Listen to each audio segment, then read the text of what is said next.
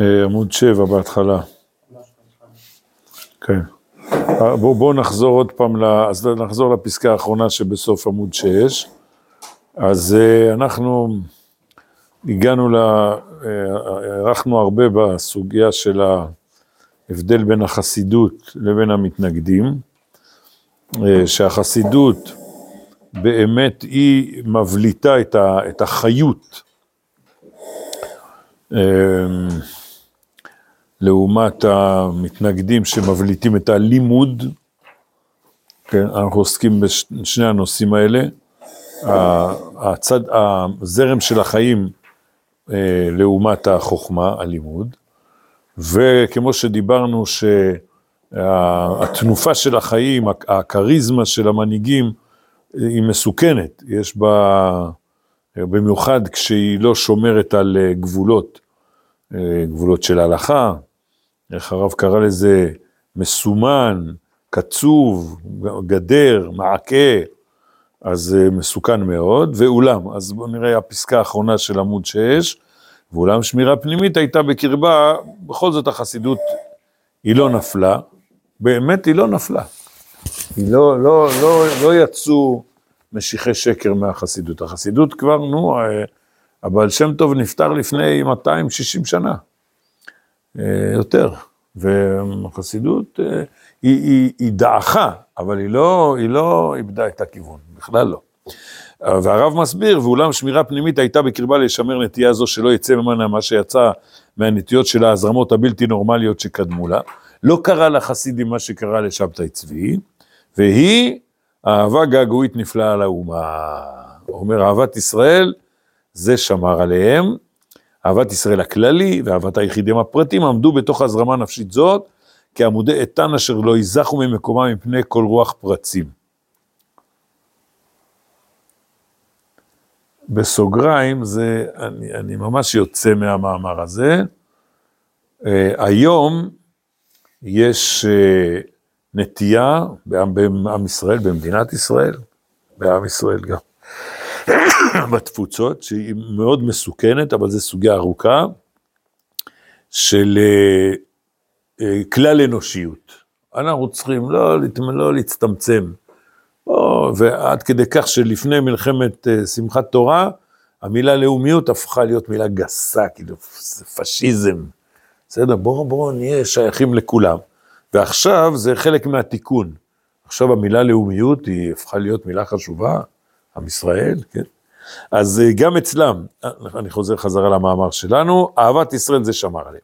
בכל זאת, אומר הרב, לא היה דבר מספיק, זה, השמירה הזאת לא מספיקה, והדורות הבאים היו יכולים לאבד את הטובה החיה הזאת ולהופכה לרועץ, לולי, או, אז מה הדבר השני ששמר? שנתמרקה בייסורים על ידי תבערת ההתנגדות. זאת אומרת, עכשיו תראו, מפה, אולי כבר דיברנו על זה קצת, אה, לפעמים אתה רואה מחלוקות בעם ישראל, כמו עכשיו, ימין ושמאל, אתה אומר, אוי, למה זה חבל, זה נורא. אה, טוב, זה באמת, יש מחלוקות שכשהן מתחדדות זה נורא, אבל הרבה פעמים יש לזה יתרון, כל אחד שומר על הגבולות של השני. אז לא להיבהל ממחלוקות אפילו חריפות, כי באמת אה, נוצר איזון. יש פרק מפורסם, בטח יודעים אותו, לא? אורות התחייה, פרק י"ח, שלושה כוחות מתאבקים במחננו, הקודש, האומה, האנושיות, לא, לא נתקלתם? בקיצור, אז שם, שם שלושה כוחות, והרב אומר, כל אחד מאזן את, ה, את חברו. אז גם פה, המתנגדים איזנו אותם, הזכרנו, נכון, הזכרנו ש, שבעל התניא רצה לדבר עם הגאון מווילנה, בואו נתווכח. נשים את הדברים על השולחן ונברר, הגאון לא רצה לדבר איתו. יצא מהעיר, הוא בא לווילנה, הגאון הוא לא נמצא, הוא לא רוצה לדבר איתו. תבערה, זה תבערת ההתנגדות. או, עכשיו, אה, שאלנו את זה, נכון? הרב קוק, הוא היה חסיד או מתנגד?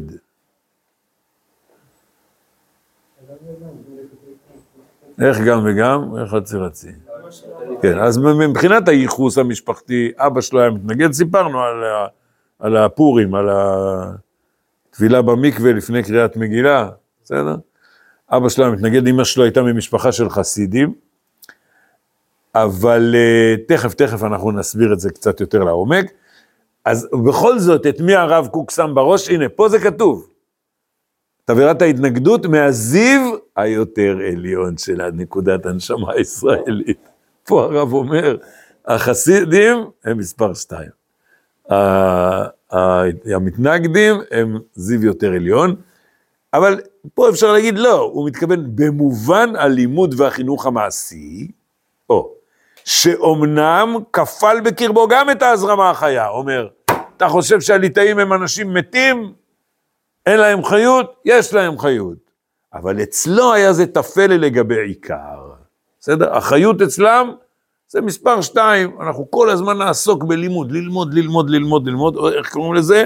לימוד וחינוך מעשי, וגם ל... ל...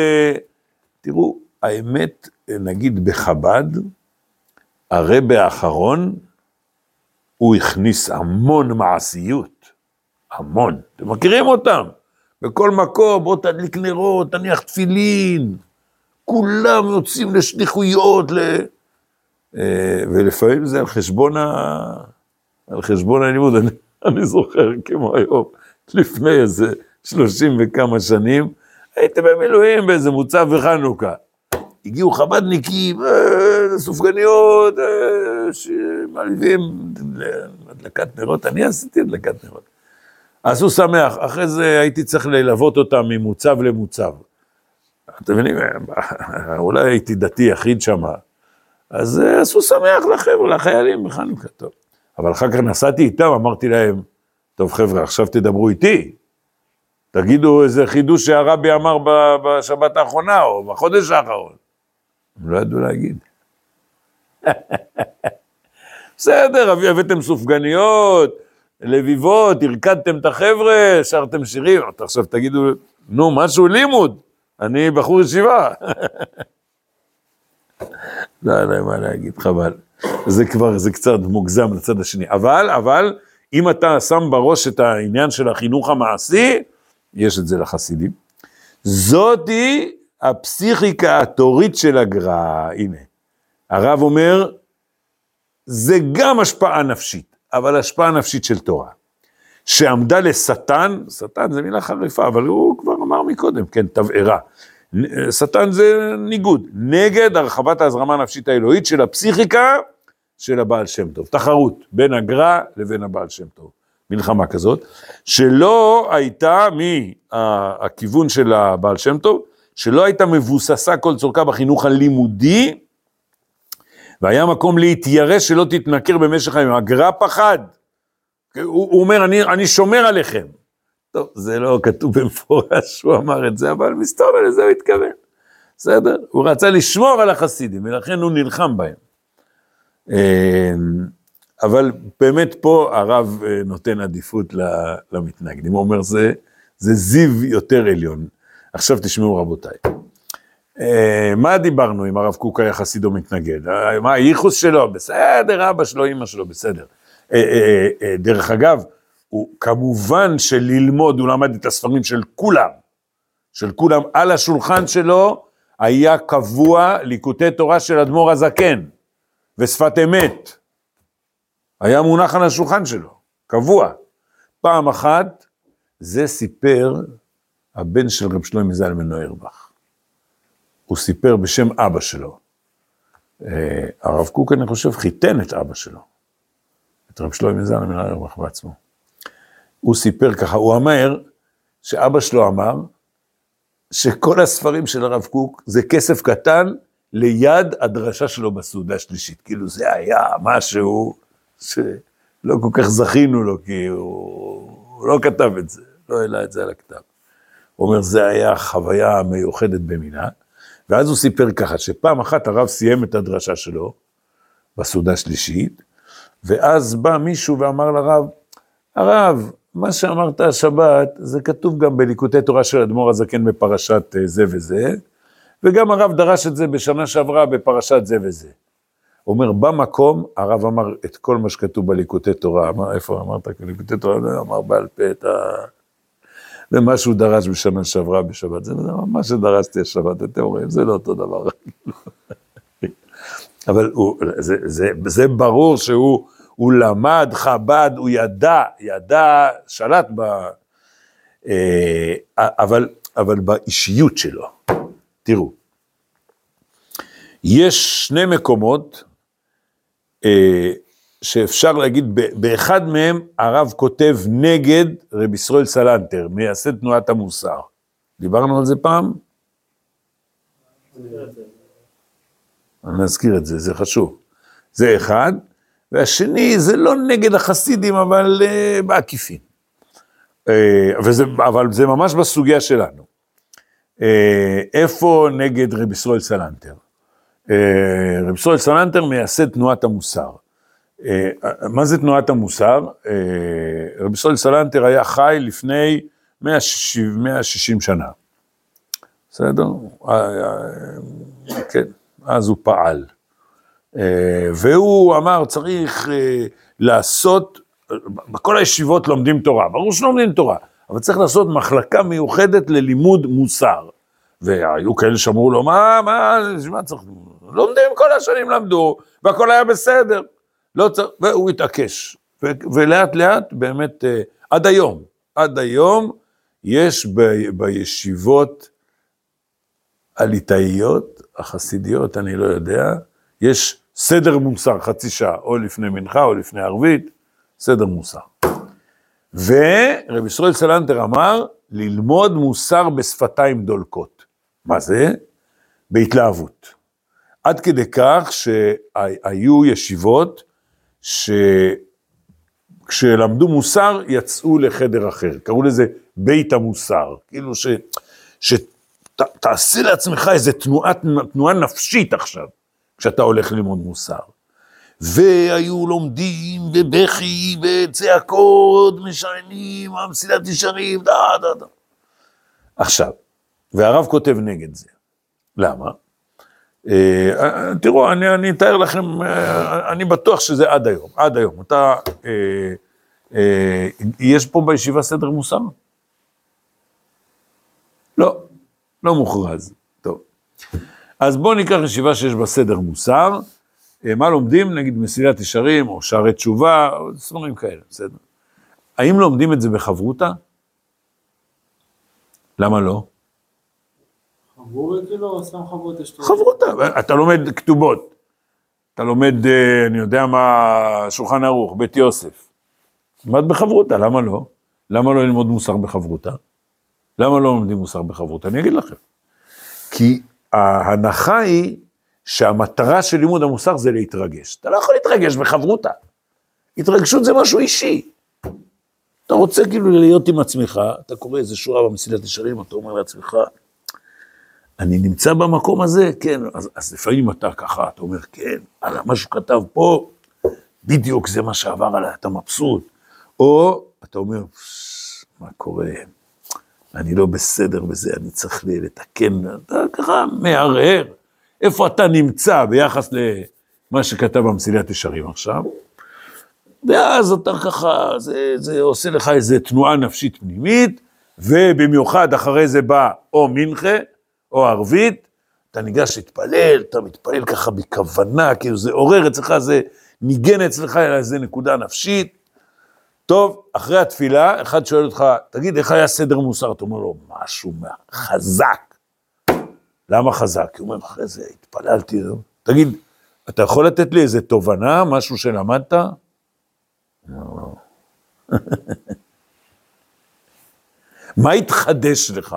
אומר, חידושים זה בכתובות, זה בתוספות, זה בקצות החושן, שם יש חידושים. קרה לי משהו בנפש. אתם מבינים? אומר הרב, זה גרוע. זאת אומרת, זה מאוד חשוב לייצר תנועה בנפש, אבל הוא אומר, זה כשאתה מתפלל.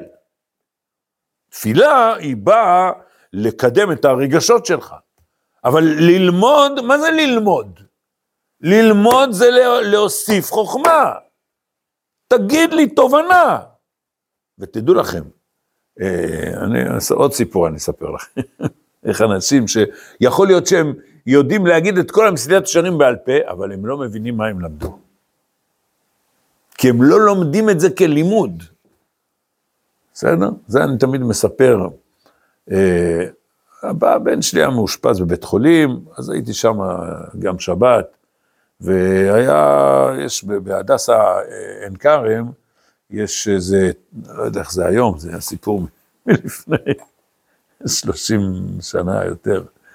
אה, אז היה אחד אה, תורם סעודות שבת, כל הדתיים מתקבצים באיזה מקום, אוכלים סעודות שבת, משהו נפלא מאוד. אז ישבה, ישבתי עם חבורה, כולם אברכים, אני היחיד, כיפה סרוגה, והיה שם דיון, אמ, אחד, היה שם אחד, כולם רצו לבלוע אותו, אחד כזה עם חליפה וכובע. הוא אמר, בשבילי בן תורה זה אחד שלומד ועובד. וואו, התחילו להרוג אותו, מה עובד, מה עובד, בן תורה זה, זה רק לומד. ככה הם מתווכחים. ואז אני, המזרוחניק, מתערב בוויכוח ואומר, איפה כתוב שצריך להיות בן תורה? וכולם מסתכלים עליי בבוז כזה. אתם תדעו לכם, בכל הישיבות, בן תירא, בן תירא, בן תירא, זה, זה, אתה כל הזמן שומע את זה, זה, זה, זה כאילו, זה החמצן שאתה נושם. מסתכלים עליי בבוז, אז אחד אומר לי, מסילת ישרים. אמרתי לו, כן, אני גם מכיר מסילת ישרים. אני יודע, מסילת ישרים יש זהיר, זריז, נקי, פרוש, טהרה. אומר לי, אבל כתוב, תרא מביאה לידי. אמרתי לו, כן, אבל התורה זה רק הכלי. הוא לא הבין מה שאני מדבר.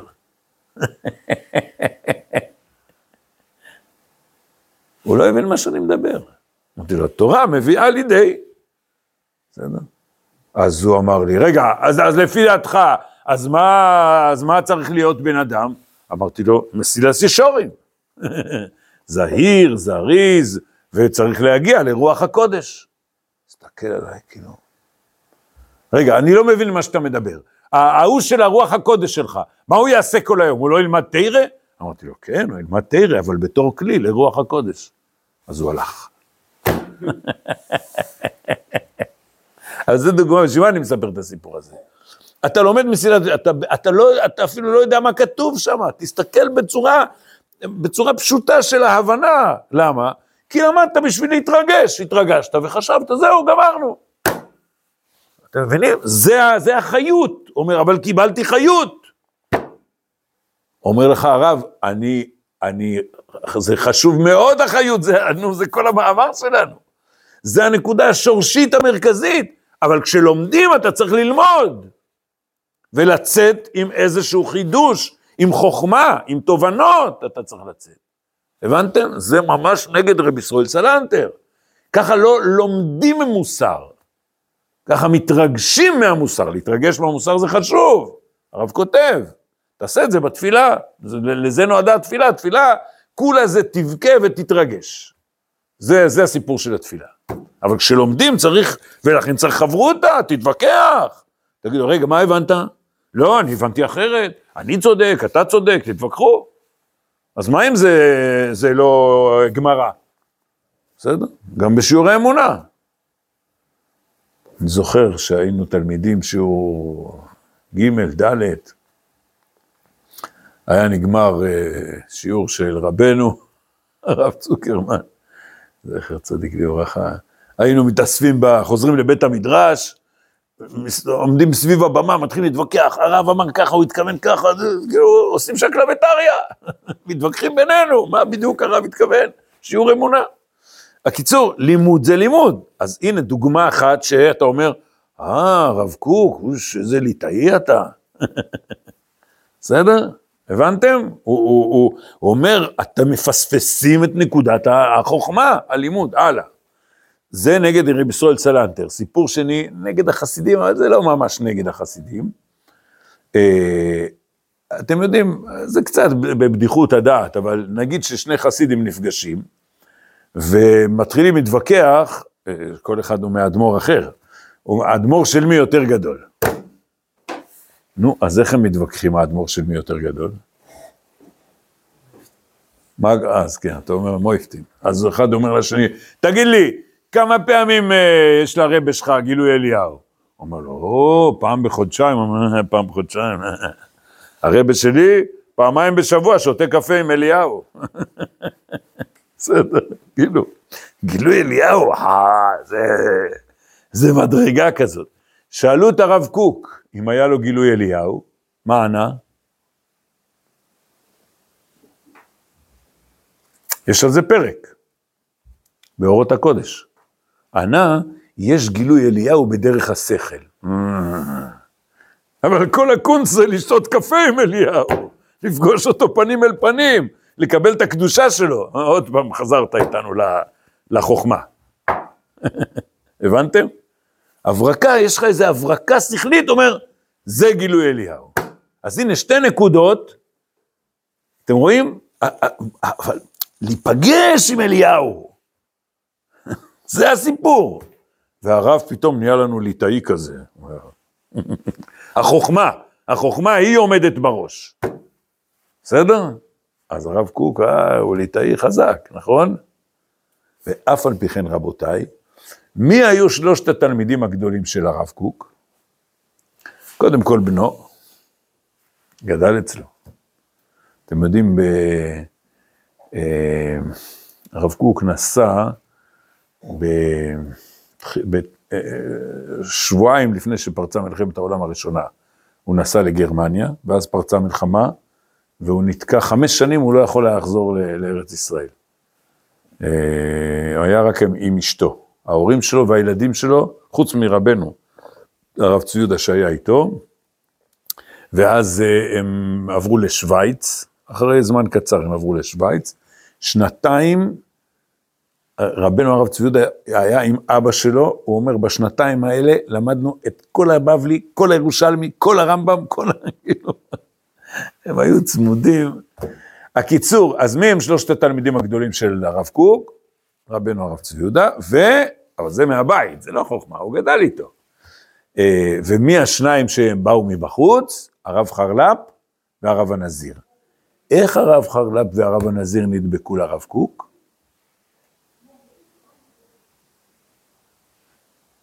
אתם לא מכירים את הסיפורים?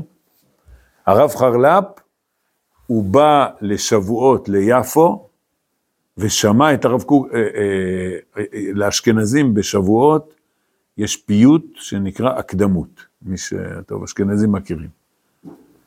הוא שמע את הרב אומר את הפיוט הזה, נקשרה נפשו לכל החיים.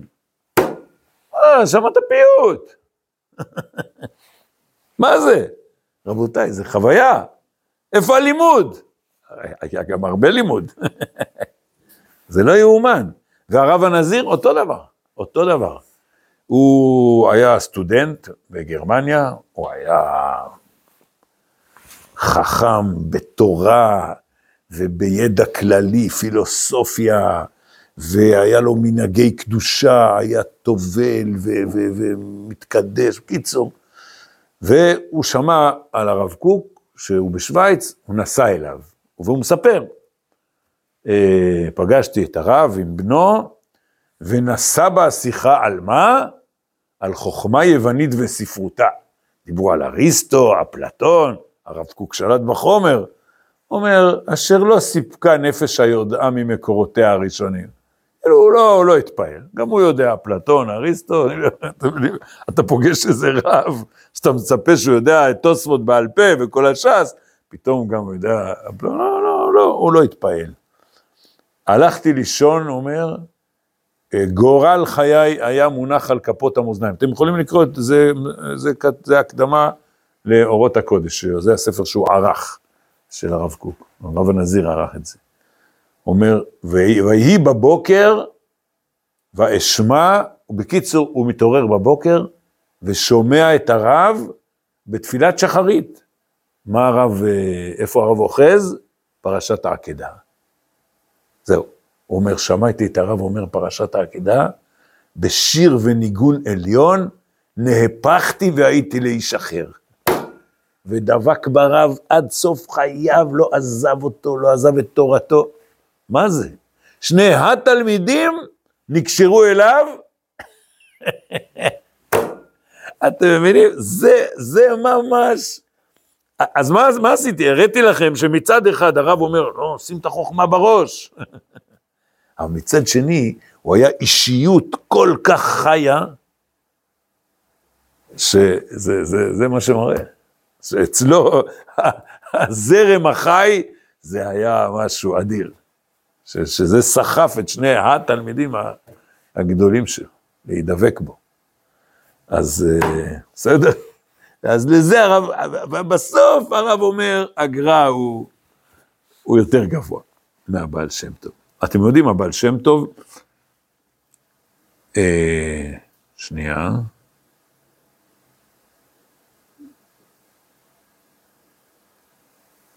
כן, הבעל שם טוב היה מבוגר מהגר"א בדור, באיזה 30-40 שנה, הוא היה יותר מבוגר ממנו. כאילו הגר"א הוא מקביל לתלמידים, אפילו לתלמידי התלמידים של, ה, של הבעל שם טוב. אבל, אבל מכל מקום, הגר"א הוא הדמות של, ה, של הליטאים.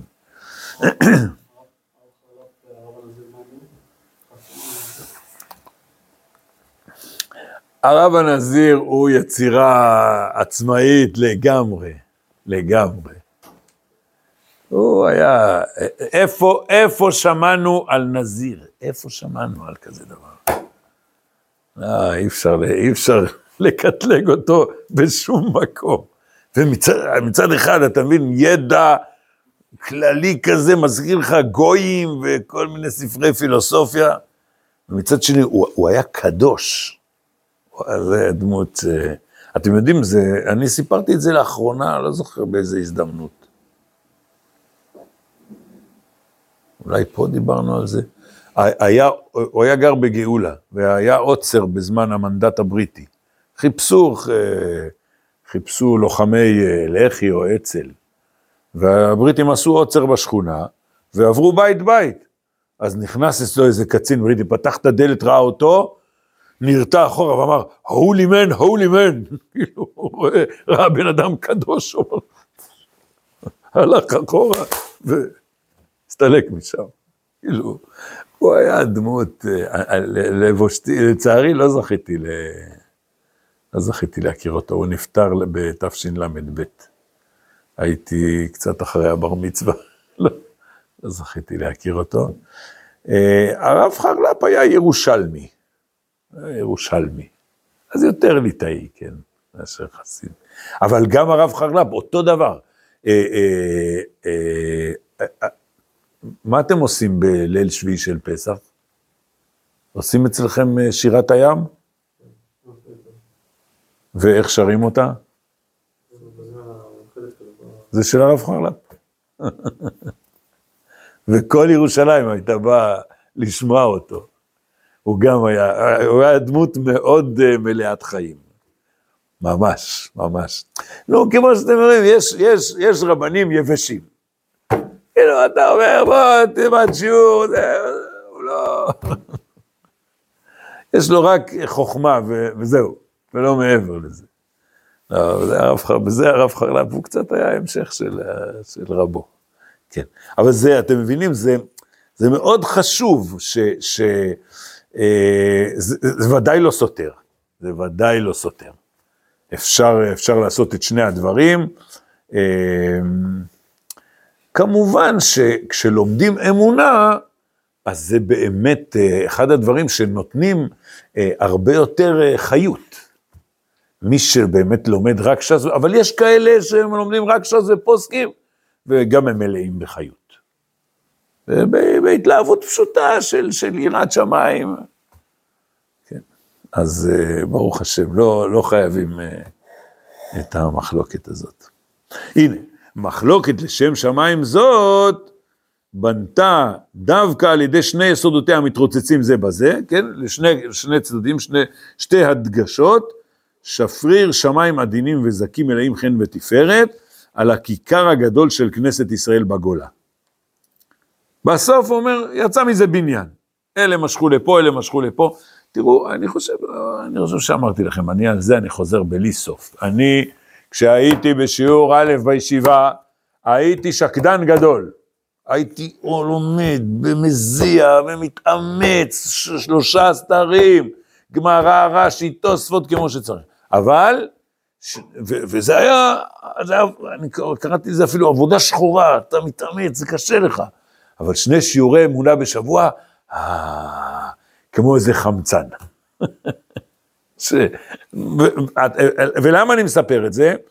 כי בכמות, זה היה שני, שני שיעורים בשבוע, אולי יותר, שלושה, לא חשוב, בסדר? זה, זה, זה לאו דווקא בכמות. אפילו, אה, כן, רבנו הרב צוקרמן היה אומר, אה, יש משל כזה, שתורה בלי יראת שמיים זה לא עובד, אה, והגמרא נותנת משל, מסכת שבת, דף ל"א עמוד א', הגמרא נותנת משל, משל לאחד שאמר, העלה לי קור חיטים לעלייה. העלה לו, שלח מישהו קור חיטים. אמר לו, ערבת בתוכם קו חומטין? לא, אמר לו, אה, הכל יהיה רקוב. זה המשל.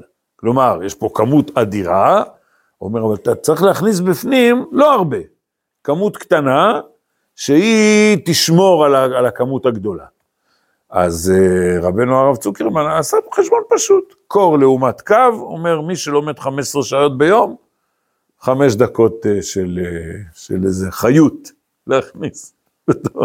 כאילו, חמש דקות ביום, זה לא הרבה. תפזר את זה בתוך משהו שיחיה אותך, ייתן לך אה, תנופה ללימוד.